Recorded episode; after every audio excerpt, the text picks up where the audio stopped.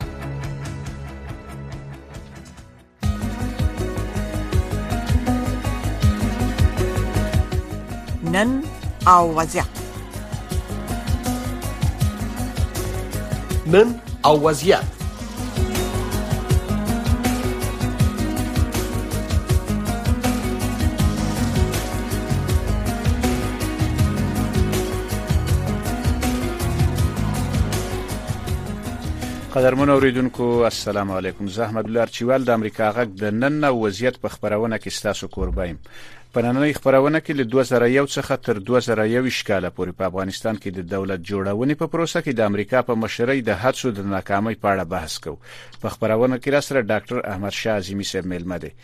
خو لومړی به خبرونه واورو او له خبرونو وروسته به ملمه سره خبرو ته دوام ورکړو ویان سید سلیمان شاه متحده ایالات چې طالبان په رسمیت نه پیژني پر مشران بندیزونه لګولي په پرله پسې توګه د حکومت د رانسکولو لپاره د خپل یو شمېر افغان متحدونو غوښتنې رد کړې دي د افغانستان د پخوانی جمهور رئیس مرستيال عبدالرشید دوستم چې په 2001 میلادي کال کې د طالبانو د حکومت په رانسکورولو کې د امریکا د ځانګړو ځواکونو ملاتړ کړو تیر اونۍ ادعا وکړه چې امریکا ورسره مرسته وکړي کولای شي د نوموړي په وینا چې د طالبانو د بیا رانسکورولو لپاره کافي ځواکونه راجلب کړي دوه پخوانیو افغان جنرالانو سمې سعادت او خوشحال سعادت څو میاشتې په امریکا کې تیر کړي چې د طالبانو پر ضد د احتمالي جنگ لپاره د پخوانیو پوځیانو، وکیلانو او نورو ډلو ملاتړ ترلاسه کړي د امریکا د بهرنی چارو د وزارت یو ویان ویل موږ له ټولو خو غواړو چې زغم او حوصله نه کار واخلي او دا ایوازینۍ لار ده چې افغانستان کولی شي له ډیرو مشکلاتو نه راوځي امریکایي مقامات وایي که څه هم چې دوی د افغانستان د پخوانیو چارواکو له سفر او د طالبانو پر ضد د وسلوال مقاومت لپاره د مرستې د راجلبول نه خبر دي خو مخه نشي نیولای د افغانستان سیمه او نړۍ خبرونه له امریکا غا واشنگټن نوري د طالبانو د حکومت د فوایدامي وزارت وایي چې د سالنګ لوی لارې د 10 کیلومتر د 10 کیلومتر وګړي سړک د بیا رغونې او ترمیم په موخه دغه لار د شنبې د ورځې د زمري له څوارلسمې نه د هر ډول ترافیکو په مخ تړل شوې د دغه وزارت د مطبوعاتو د مسول محمد اشرف حق شناس په وینا د شنبې لخوا په نوبت سره مسافران کولی شي په دغه لارې تګ راتګ وکړي د سالنګ لوی لار چې د افغانستان پایتخت له اتو شمالي شمالي ختیځو او شمالي لویدیځو ولایتونو سره نښلي د پخوانی جمهور سامت کرزي د حکومت په دور کې رغول شوی و خو پر دغه لار د وسایتو د زیات تګ راتګ او په لارو کې د زیات بار د انتقال لامل پروستي کلونو کې د نورو لوی لارو په څیر ویجاړ شوی دا دا واشنگټن دی د پاکستان پخوانی صدر اعظم عمران خان او په افغانستان کې د طالبان حکومت د پاکستاني مقاماتو د هغو څرګندونو په مقابل کې سخت برګون کودلې چې ویلو په پاکستان کې په ترهګرۍ کې افغان اتباع لاس لري او غواخي کړي چې اسلام آباد کولی شي د افغانستان په خاور کې عملیات وکړي د چهارشنبه پر ورځ عمران خان په یو بیان کې چې د په په یو ویډیوي بیان کې ویل چې د زرداری د سرګندونې له سیاسي پوهنه بهر وبل بهر دي د نوموړي ویل ک څوک لڅ په هولري نو په دې به پوښي چې سیمه خپل تاریخ لري د سیمې مطلب پاکستان افغانستان او قبایلی سیمې دي نو هغه به هیڅ کله هم دغه سي احمقانه څرګندونې ونکړي د طالبانو د حکومت مطبوعاتي ویاند ذبیح الله مجاهد هم د پاکستاني چارواکو د غواخونو غندنه کړې ویل دي چې د ناسمو اطلاعاتو پر بنای بیل د نچ شواهد وړاندې کړي په دې اړه الزامونه لګولي دي د متحده ایالاتو په خوانی جمهور رئیس ډانلډ ټرمپ د پنځشنبه په ورځ د زمری په 12 مه د امریکا د جمهوریت ریاست د 2020 میلادي کال د انتخاباتو د نتیجو د بدلولو د هڅې په تور د واشنگټن ډي سي په یو فدرالي محکمې کې احضار شو د امریکا د عدلي وزارت د معلوماتو لمخې د ټرمپ محاکمه چې د واشنگټن ډي سي په وخت د مازیګر د څلور بجو وروسته په داسې حال کې پیښ شو چې په کار کې سخت امنیتي تدابیر نیول شوی نو موري لګول شوی الزامونه رد کړی دي د متحده ایالاتو د بهرنی چار وزیر انټونی بلینکن د پنځشنبه په ورځ د زمری په 12مه د ملګرو ملتونو د امنیت په شورا کې په وینا کې روسیا په دې تورنه کړه چې د غلو دانو د صادراتو لوی مهم تړون نه لوتو لامل له غلو دانو نه د بلیک میل لپاره استفاده کړې بلینکن ویل چې د جنگ په وخت باید له خوراکي موادو نه د حربې په توګه کار وانه خستل شي روسیه تیر کال د یوکرين روسیه او یوکرين تیر کال د ترکیه او د ملګرو ملتونو د سرمنشي انټونی ګوتش په منځګړیتوب په استانبول کې د توري بهیرې په لار نړیوالو مارکیټونو ته د غنمو د انتقالولو تړون لاسلیک کړو او د بشري حقوقو ډلو په سعودي عربستان تور لګول چې د هغه امریکایي وګړي پنځه خپلوان نیولي چې د امریکې په پنسلوانیا ایالت کې اوسېږي او د ولیعهد محمد بن سلمان په ګډون د شاهي کورنۍ پر ضد سوداګریزه حقوقي داوا دایر کړې ده په امریکا کې د ازادۍ نوښت په نوم د بشري حقوقو بنسټ د سعودي د برخې مشر عبد الله علوت د پنځشنبه پر د دوشنبه پر د جولای په یو ځشتمه په یو بیان کې ویل چې تر اوسه پورې څرګنده نه ده چې دغه کسان ولې نیولې دي الویل یو قاضي د ټولو 15 کسانو نمونه ولوستل خدای څرګنده نکړه چې آیا پر دوی څه ډول تور لګول شوی محکمې ته د هغوی د بیا حاضرېدو لپاره نیټه هم نه ده ټاکل شوې د خبرونو پای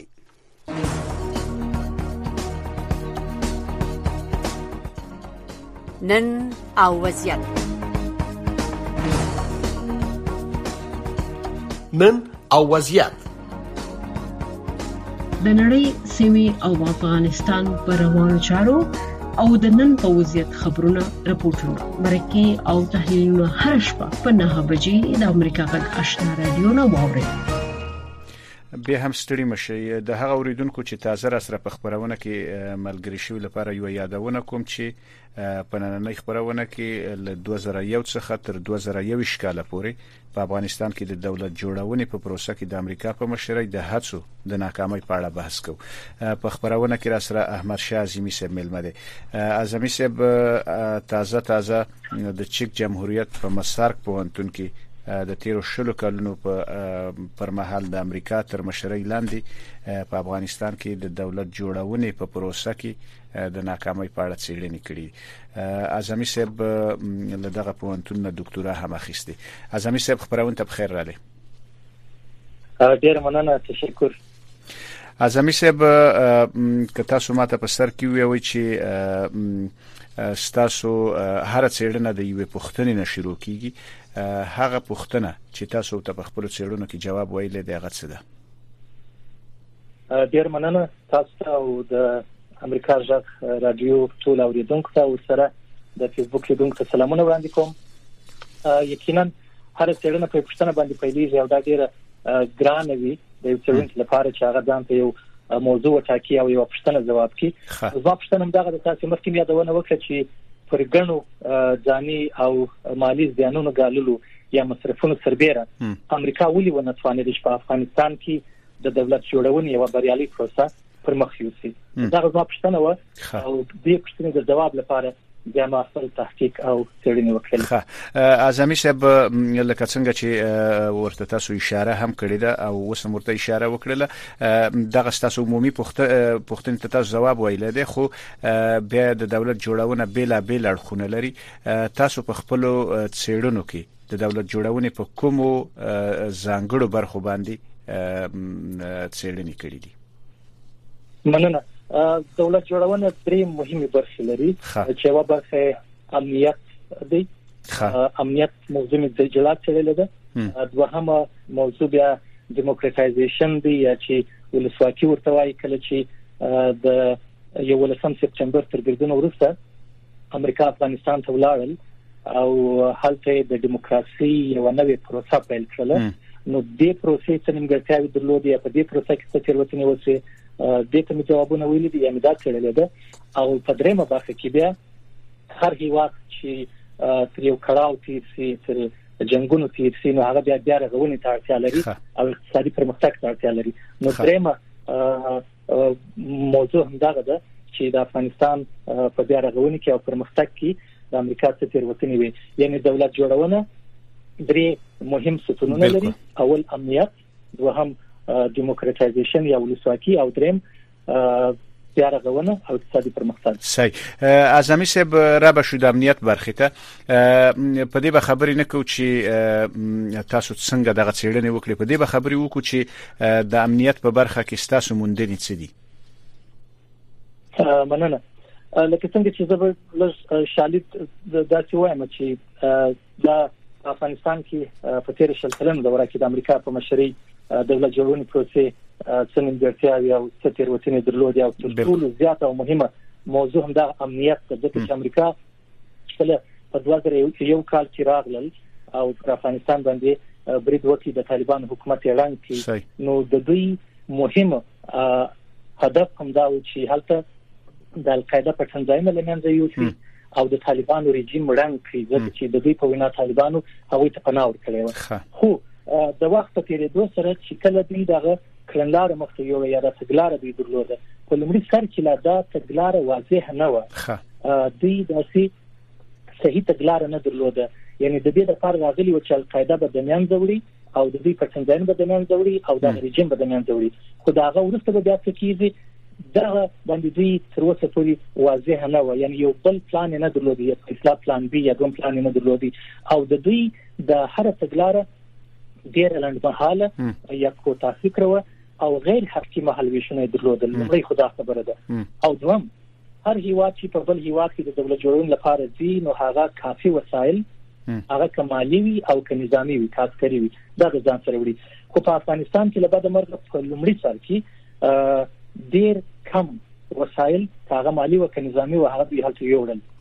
یعنی بل خبره به تاسو وکم د عراق او د افغانستان پرتله که وکړو په 2003 کال کې امریکا پر عراق باندې برید وکړي نو د امریکا کانګرس 13 میلیارډ ډالر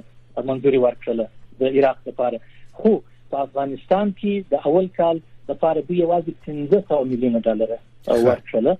او بیا په 2000 شپږم کال کې دا چې 200 ډالر 200 میلیون ډالر ته ورسول دا موضوع درېمه د ترګری ریښې نه غوڅول ښه د افغانستان ولسمشرانو یا د افغانستان نظامیانو یا افغان وګړو به امریکایان ته پوار وایل چې طالبان لمنته وړل د القاعده پر څنځاینم ختم شول خو دلته جنگ نور شي لري جنگ سرچینه بل ځای ده نو تاسو هلته وجنګیږئ د افغانانو کلی کورونه مورانوي ځکه چې په پای کې په 2013 کال کې د امریکا ځنګړي استازي د بهرنی چارو وزارت ریچارډ هالبروک داغه یو قول به زیاتره ته یاد هغه ویل چې په نتیجه رسیدلی په اخر کې چې ما ته دا ښکاری چې موږ په غلط ځای کې د غلط دشمن خلاف چین کیږو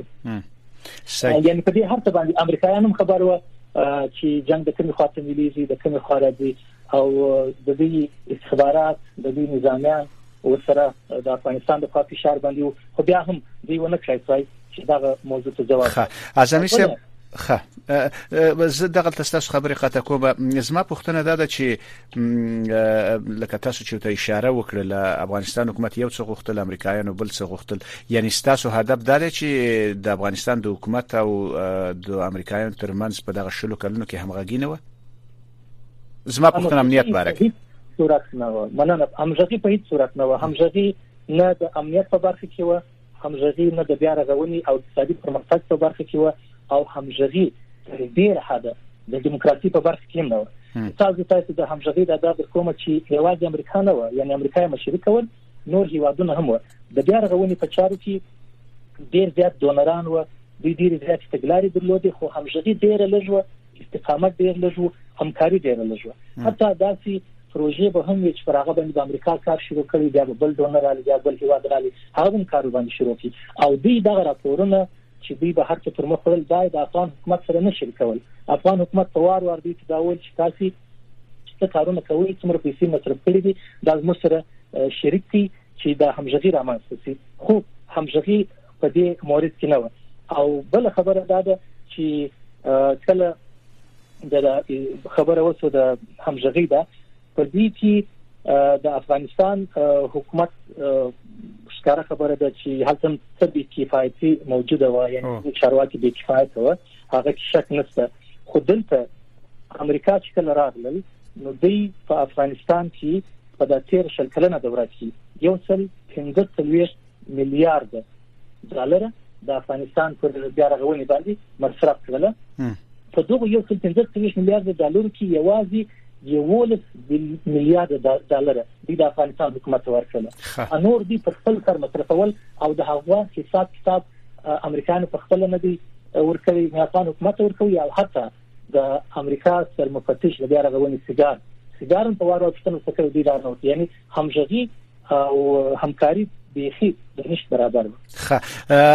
اعظمي صاحب تاسو د امنیت په تړاو خپل مندنه شریک کړلې د بیا رغونې په اړه تاسو مندنه څه دي د بیا رغونې په اړه هم ډېری مندنه دي ځکه چې زبا ستاسو اوریدونکو ته دا وایم چې په افغانستان کې د امریکا پر شل کلن حضور باندې ښکاره خبره ده ډېر څه لیکل شوي دي یعنې کتابونه شته مقالې او راپورونه ورباندې شته خو په هغوی کې زیاتره زیاتره وخت نړیواله بیانیه غالبه ده یعنی څه ته وایي انټرنیشنل نریټیو دی هغه ډومیننت یعنی هغه غلبه لري خو د افغانانو ژغ ډیر تک پکې ښکاري چې چاپ شوی دی دا غوي استازیتوب پکې ډیر کم رنګ دي نو ما خپل زیاته تکیه زیاته پاملرنه د افغانانو تجربو د هغوی برداشت، د هغوی نظر، پوهي او ټولنیزو حقایقو ته وکړه په خپله څېړنه کې او په همدې خاطر مې تحقیقي میتود په برخه کې زه راځم ستاسو اعظمي صاحب ستاسو د ریسرچ میتودولوژي باندې هم خبرې کوو اول به په دغه درې مسایل باندې خبرې وکړو به برا شو ستاسو ریسرچ میتودولوژي او د نورو ته درېمه پوښتنه زما د ولسواکۍ په اړه کې د ولسواکۍ په اړه کې ستاسو موندنې څه دي او مننه بس دا پښتنه به زه شر ترته جواب کوم چې تاسو پښتنه وکړه د بیا رغون په پروسه کې په دې کې زیاتره پیسې بیرته د باندې ولاړې تاسو پښتنه وکړه یعنی تر آزادونو کې په کمیشنونو کې په مصرفونو کې په معاشونو کې لکه په 2002 کال کې د 1.8 میلیارډ ډالر ارزونه وسوه په دې کې اویا فیصد پیسې په معاش کې په موټر کې په چارټر او لوکس باندې یا په سټلایټ کلکونو کې د بهرنیان راتللی و یعنی څه پیسې چې رالي نړیوال دا فکر کوي چې افغانستان ته د میلیارډونو ډالر ورکړل مګر په دغه میلیارډونو ډالرو کې زیاتره پیسې بیرته ووتلې ځکه چې هغه په دغه شان کې ولاړې او بل حساب کتاب او شفافیت نه و دا هر څه نشر کېدل زیاتره پیسې بې ځای مصرف شوې یا ناسم استعمال شوې یا ضایع شولې لکه سیګار په خپل ورکړي دي چې 19 میلیارډ ډالر په زیات کې ولاړ یا بې ځای مصرف یا ناسم استعمال شي یعنی دا یو برخه و ولسواکي په برخه کې هم تیروتنې په دا ډول باندې وسوي چې دوی په هر برخه کې کاغه د امنیت برخه و کاغه د بیا رغونې برخه و او کاغه د ولسواکي برخه و دوی دا غوښته چې کاپي پیسټ اپروچ یعنی یو بهرني ماډلونه پر افغانانو باندې تحمیل کړي پر افغانانو باندې عملی کړي یعنی د هر علاج لپاره دوی ګڼل چې یو ګولۍ کار کوي د هر ناروغ لپاره دلته د افغانستان ټولنه دی له د دې ځای ارزښتونه دی له د دې ځای کلچر دی له دا کارونه ته نه څوي کېدل یو خبره ده او بل د افغانستان اساسي قانون جوړ شو خو اساسي قانون څخه بیرته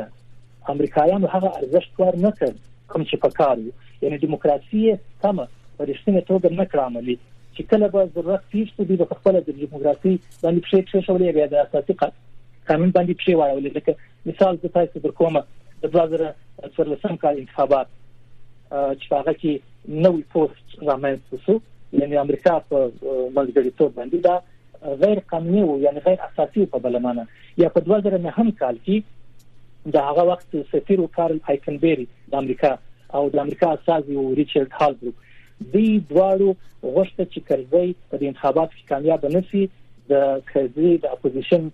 کاندیدانو سره د اکسون اخیستل هغه به د هڅول چې تاسو راسي په انتخابات کې ودرېږي او دا پروسه پر مخ یوسي او انتخابات وه هم ځندول دا کار وکړي بل خبره د انتخابات په اړه دوی پیسې ډېرې زیات مصرف کړې یعنی پر هر انتخابات به د میلیونونو ډالر مصرفول خو د انتخاباتو د لپاره د میکانیزم نه جوړ د انتخاباتو د لپاره یو یو پروسه نه کړ جوړه هم هغه کاغذي کارتونه به هغه استعمالول په اخري انتخابات په 2019 کال کې وسو دوی هغه ول پروسه عملی کړل په هغه کې ډېر ترتین را لید الکترونیک ووټینګ یا د ماشوم د لاري د ووټ کارونه نو دا ځینې نیمګړتیاوې چې په ګوته شوي ښه اعظمي صاحب د هر چیرنې په اخر کې چیرونکو یو څو وړاندیزونه هم کوي ستاسو په چیرنه کې هم وړاندیزونه شته وړاندیزونه ستا دا وړاندیزونه داسې دي چې دا نه یوازې د امریکا لپاره دي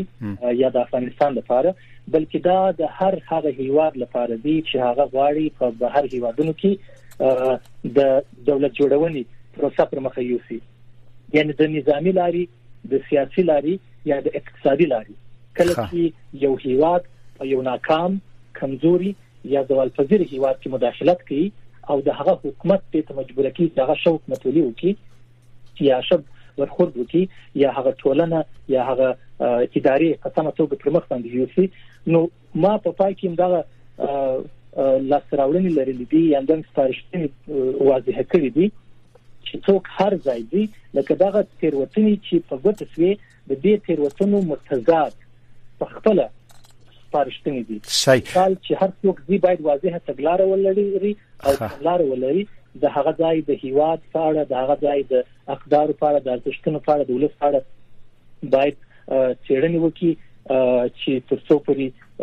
هغه چیرنه نه وکړي یا د هغه په اړه معلومات نه لري دوی پرمختګ نشي کولای او سره دا هم ده چې یو ګولۍ د هر مرض دوا نه ده دوی هر هیوا ته چې دی باید د هغه هیوا ستونزې په نظر کې ولري او بل دا خبره ده چې یو دیکتاتورانه د ریس خپلول نه دی پکار امریکا مارشل پلان په 1923 کې عملی کړ خو په مارشل پلان کې چې کله دی جرمني بیا رغول نو جرمنیانو ته وویل چې تاسو په خپل متروانان یاست دې تګلارې د دې ستراتیژي ډرایوران تاسو یاست موږ صرف تاسو سره همکاري کوو مرسته کوو خو په افغانستان کې د افغان حکومت دا ونه ویل افغانان ته ویل په غیر مستقیم ډول چې دوی به کفایت دي د دې وړتیا نه لري چې دا کار وکړي او دا په خپل یو راسي سوچ دي چې د ملت یا د خلکو په اړه څوک لري نو نور د دې سرشتنې څخه چې هغه وخت کم دی زه فقط غواړم چې دغه د ولسواکۍ په اړه باندې تاسو نه یو بل پښتنه وکم هغه دا چې ولسواکۍ باره کې څه باید شي وي چې ونشو د ولسواکۍ په باره کې تر ټولو اوله خبره دا ده چې د افغانانو کلچر دود او ارزښتونو ته باید پام شوی وای یعنی ولسواکي که موږ د افغانستان ټولنه راوخل افغانستان جرګه لري د سلګونو کلونو دود دی د افغانستان د معاصر افغانستان بنسټګر احمد شاه بابا هم په 1923م کال کې د جرګې لارې منتخب شوی دی یعنی جرګه هم د خلکو استازي دي او هغه بیا بل مشر ټاکي دا د افغانانو لپاره یو نوې پدیده نه و ولسواکي افغانان ولسواکي پیژني او د جرګه په خپل ولسواکي ده یا که اسلام تر اوسه په اسلام کې شورا ده دا په خپل یو ډول د ولسواکي دغه دی یا اجماع ده د خپل د ولسواکي یو یو عنصر دی ولسواکي به پر نه نو خو دې ځینې داسې کارونه وکړل چې کله به ولسواکي د دې په ګټه و د ولسواکي کارول چې کله به ولسواکي په تاوان څنګه به هغه به نه کارول مثال ارزښتونو پر خبره کزه تاسو ته وکم دوی چې دلته راغلل پر ځای د دې چې دوی ولسواکي ته وده ورکړي دوی هغه کسان تقویه کړل چې هغه جنگ سالاران و هغه له دوی سره په لومړي سر کې په جنگ کې برخه اخیستې و د طالبان خلاف خو کله چې طالبان مات شول د افغانستان نوې حکومت جوړ شو په کار دی ته دا و چې دوی ولسواکي پیاوړې کړي د افغانستان حکومت پیاوړې کړي یا دوی د ولسمشر تر شا ودرېږي خو دوی همدغو جنګسالارانو ته تقویه ورکول چې کله به د جنګسالاران نو او د حکومت ترمنځ کله ټکر راغلی یا د ولسمشر سره به ټکر راغلی نو دوی پر ځای د دې چې د ولسمشر یا د حکومت دفاع وکړي دلته به به طرف وسو یا به په ځینو موردو کې به د مقابل لوري دفاع کول چې نه د خلاف به تاسو اقدام نه کوي لکه د دې دوی د تاسو د کوم په دوه زره دوهم کال کې ولسمشر کرزي امریکایانو ته وویل چې تاسو بچا خان زدران غوښتي چې د پکتیا والی سي او هغه د بواش کړي او کتا سیمه نه والی کوي نو زه کورنۍ جنگ پیلوم زه تاسو خلاف راپورته کیږم کرزي امریکایانو ته ویل خو دا هغه وخت د امریکا وزیر ډونالد جمپ سیل ته چې دا تاسو کورنۍ معاملې ده یعنې هیڅ اقدام یې ونه کړ حال دا چې د 2002 هم کال په لومړي سر کې نه د افغانستان اردو جوړوه نه د افغانستان پولیس جوړوه هم دا ډول په 2019 کال کې چې کله ولسمشر اشرف غنی په بلخ کې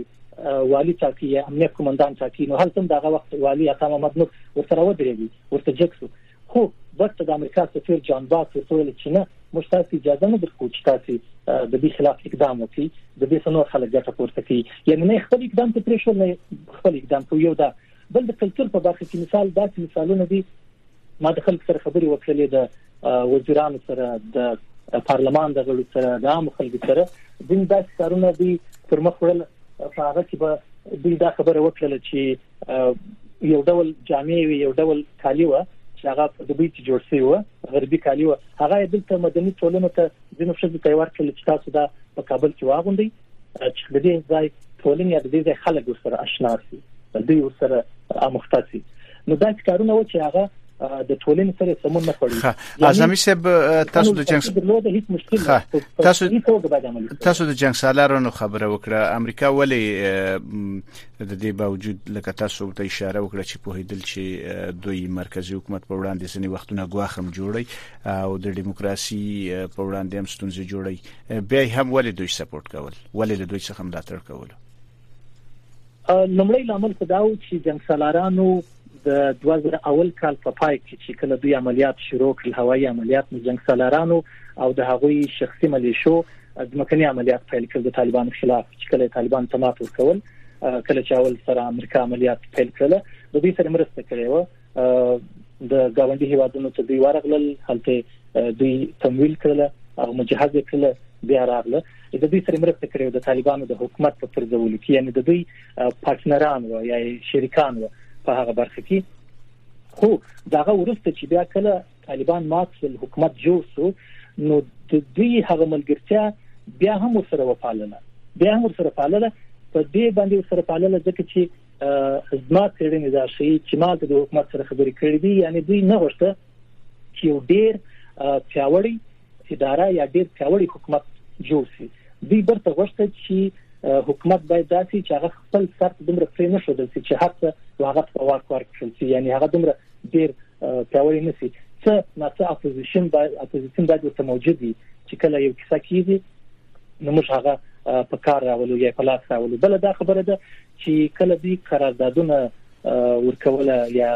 د تیلو قراردادونه و یا د سړکونو قراردادونه و یا د بیا رغونې قراردادونه و نو بیرته دوی همدغه جنگ سالارانو ته بیا ورکوله یعنی هغه نو تقویه کړله په مالي توګه باندې هم ډیر زیاته مننه اعظمي صاحب ستاسو سره باید په دې موضوع باندې ډیر بحث وشي ما غوښتل چې ستاسو نه ستاسو سره ستاسو د چیرنو په تخنیکی اړه هم خبرې وکم خو متاسفانه چې زموږ د خبرونه وخت کم دی زمونږ د خبرونې وخت هم دومره ستاسو نه ډیره زیاته مننه کوو چې تاسو رالی او خپل موندنې او خپل څېړنې مو زمونږ سره او زمونږ د اوریدونکو سره شریک کړي تاسو خو وختونه ولرئ اعظمي صاحب ډیر مننه ارچوال صاحب تاسو هم ښه وختونه ډیر مننه مننه خو وخت